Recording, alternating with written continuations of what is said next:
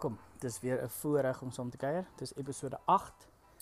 Ehm um, ons praat vandag oor die volgende deel van die diafragma model en dis resultate. Ons gaan 'n bietjie kyk hoe lyk dit. Verlede keer het ons oor situasies gepraat wat binne ons beheer is of deur ons beïnvloed kan word. Die keer chat ons oor die lewe se onvoorspelbaarheid. Om storms te oorleef wat kom van gebeure waaronder ons niks kan doen nie, verg 'n ander tipe perspektief die vraag om te vra in so 'n geval is eerder hoekom gaan ek oorleef in plaas van hoe gaan ek oorleef. So enjoy.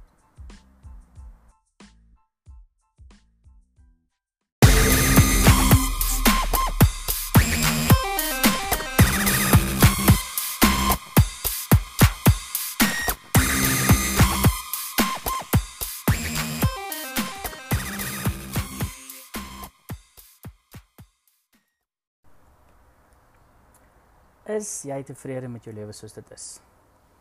Het jy al so in jou lewe gedink? Boor ons ooit om te wonder of ons lewens kan beter wees? In my soeke, ehm um, tot op hierdie het ek tot op hierdie conclusion, conclusion gekom. 1.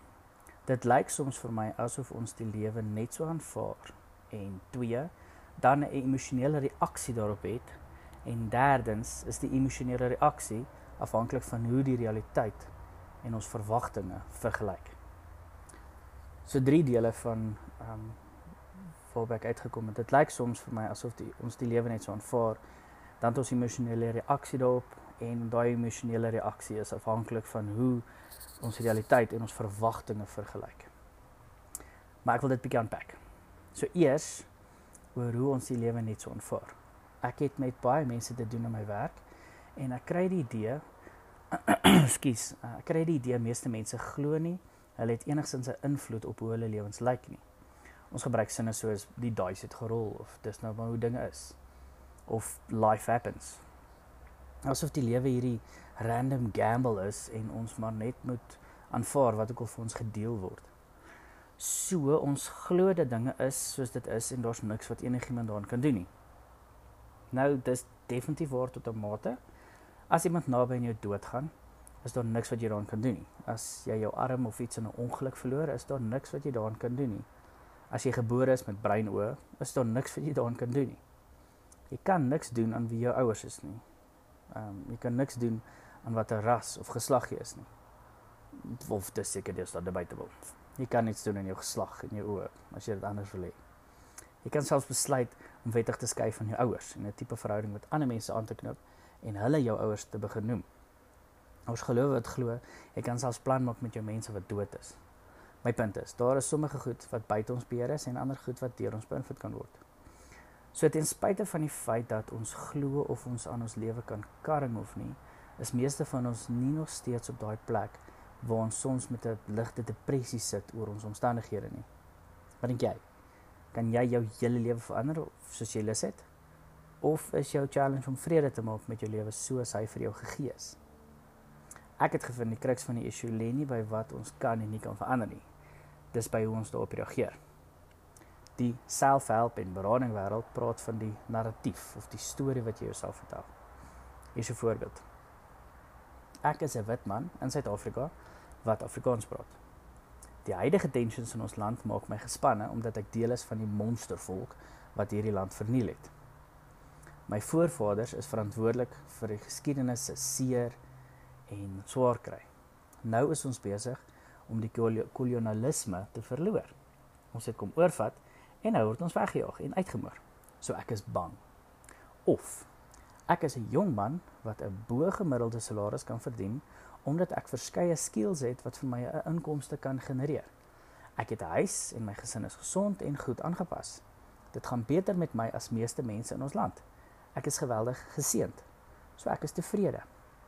Of ek is in my 30's en ek het nog nie iets significant met my beroep behaal nie. Twee van my vriende het al hulle eie besighede begin en ek trek maar nog trek maar nog net 'n salaris. Hulle het vir hulle bakkies gekoop en praat van aan, aanbou by hulle huise. Ek het nie eens geld om my huis te verf nie. Boonop moet ek allerhande goed na ure doen om genoeg geld bymekaar te skraap om elke maand uit te kom. Maar ek kom nie uit nie. Ek verdrink in die skuld en ek voel soos 'n failure. So ek is kwaad. Of Ek is 'n filosoof en ek besef alles is tydelik en niks van hierdie gesukkel maak saak nie.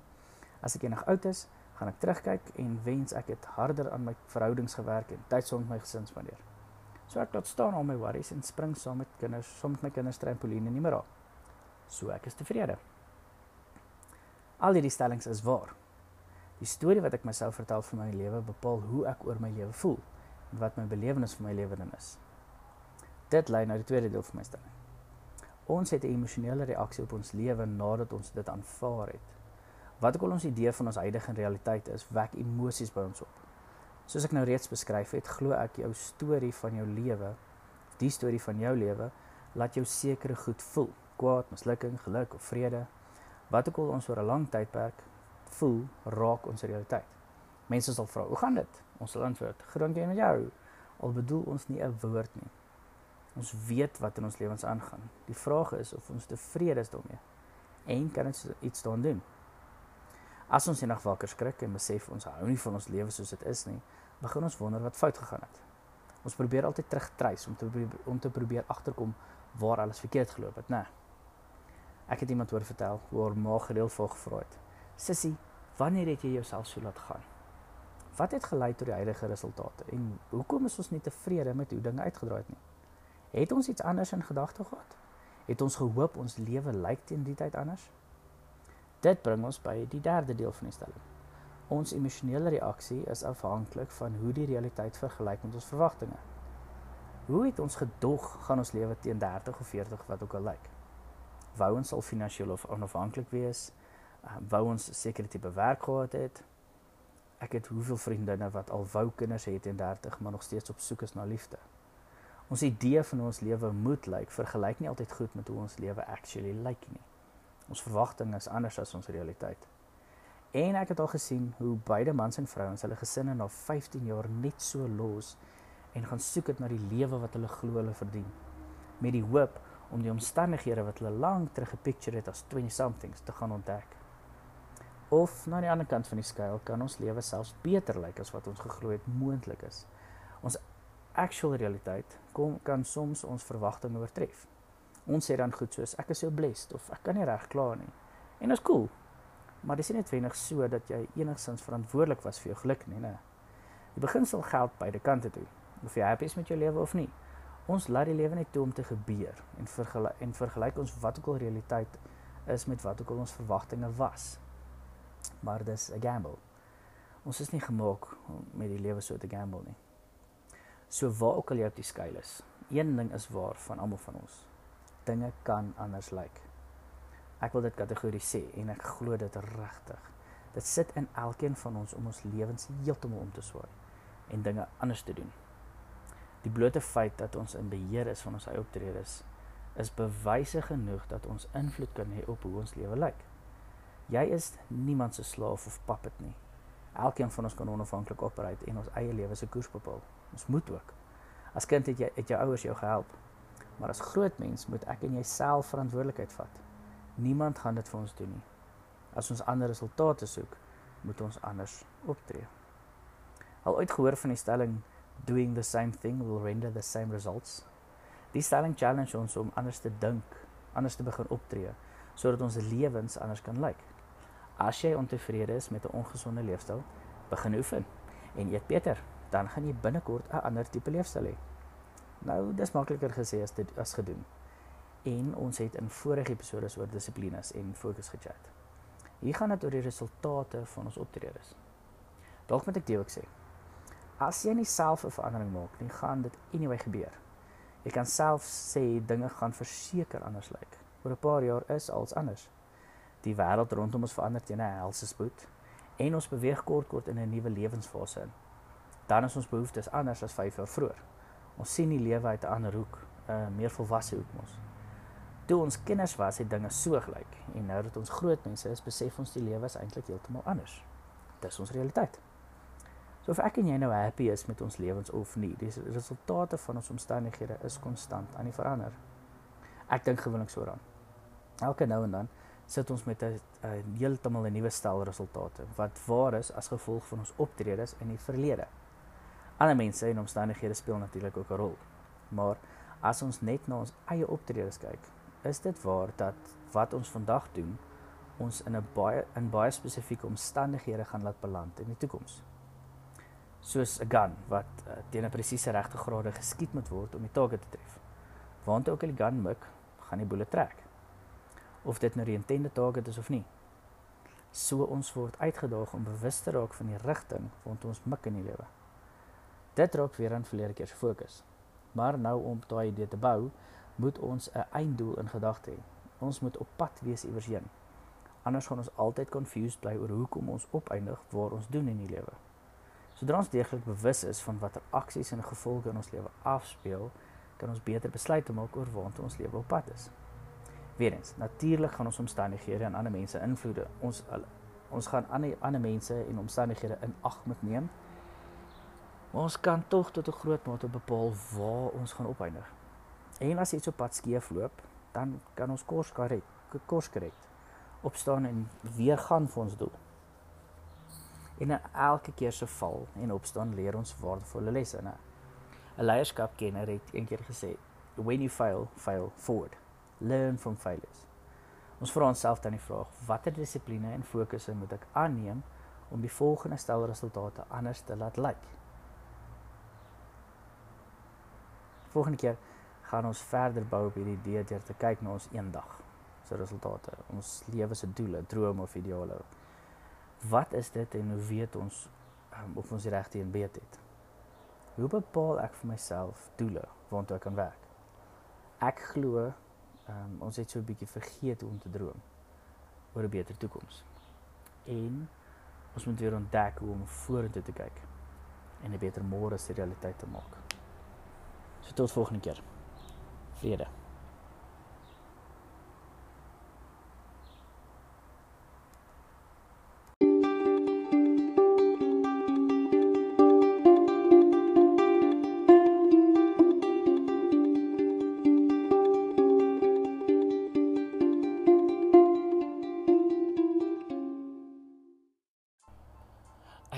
Deel van vandag se episode so 'n sideline disclosure in in squeeze.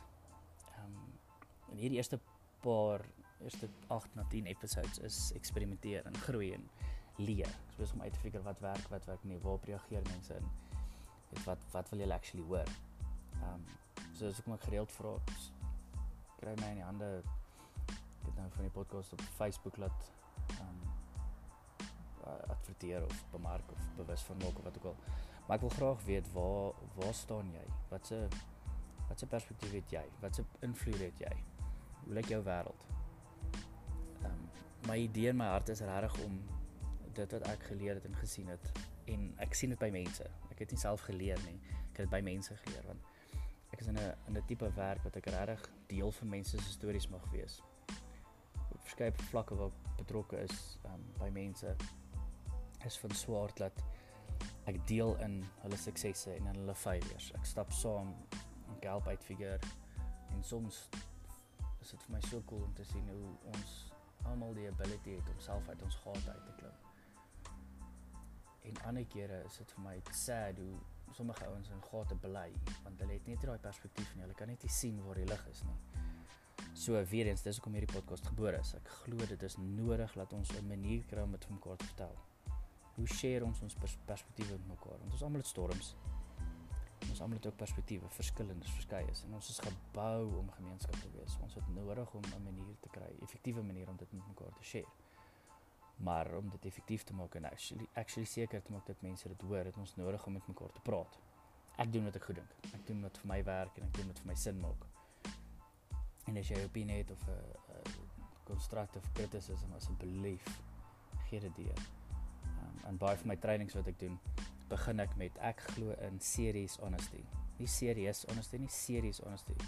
Daai tipe honesty wat in um sitcom sitcoms is. Dit uh, Big Bang Theory en nou met jou mother dit tipe goeders waar men daai karakters is super eerlik met mekaar.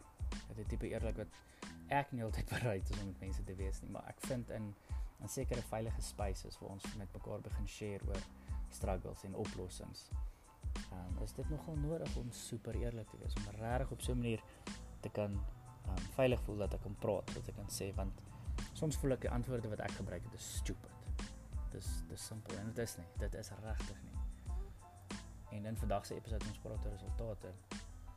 Dan ehm wil ons hoor hoe jy gekom tot waar jy nou is want almal kyk vir mekaar veral op social media. Ons kyk na mekaar en dink, "Oh man, wens ek het jou lewe gehad. Ek wens ek kan regkry wat jy regkry. Hoe doen jy dit?" Dis eintlik baie eenvoudig. Ek het net gedoen wat ek gedoen het en ek wil dit graag met jou share. En ek ek hoop dis almal se attitude. Ek hoop dis almal se attitude wat jy nou luister. Jy's bereid om te share, jy's bereid om te deel. En as jy net wil hoor, is dit ook cool. Dis heeltemal cool as jy net wil inskakel om te luister. As jy net wil download om net te hoor want jy het op 'n of ander plek gaan iets jou tref, gaan iets vir jou sin maak, gaan iets jou help om jou storms um, op te los. So ek wil ek wil die uitnodiging stel aanbied. Praat saam, wees deel. En dan wil ek met clarity sê, my fokus met hierdie podcast is om die leer of die tou of die op die reddingsboei wat jou uit die gat, uit die water uit gehelp het. Daai lig wat jou uit die donkerte uit gelei het. Ek soek daai. Ehm um, daar's baie spaces en daar's regtig baie plekke waar jy kan uiting gee aan jou emosies en en rant en ryf en is goed en is gesond. Hierso is die fokus. Wat was jou antwoord? Wat was jou oplossing? Hoe het jy na 'n situasie gekyk? Wat het verander in jou? Hoe het jy begin dink? Wat het jy anders gedoen? Watter aspek van jou lewe moes jy karring en skuur en skaaf om uh, resultate te kry? Die resultate wat jy weet um, beter gaan wees vir jou en jou mense. So mag ons regtig ehm um, mekaar help om hierdie lewe uit te figure want dis nie 'n joke nie. Dis nie 'n joke nie. Hierdie is ernstig. En ons het nodig om mekaar in die oë te kan kyk en te sê wat maak ons en hoe gaan ons regkry? Wat is ons veronderstel om te doen? Waar is ons veronderstel om op te eindig? Wat gaan die beter oplossing wees? So vrede vir jou. Mag jy 'n awesome week hê. Tot ons volgende keer weer praat. Cheers.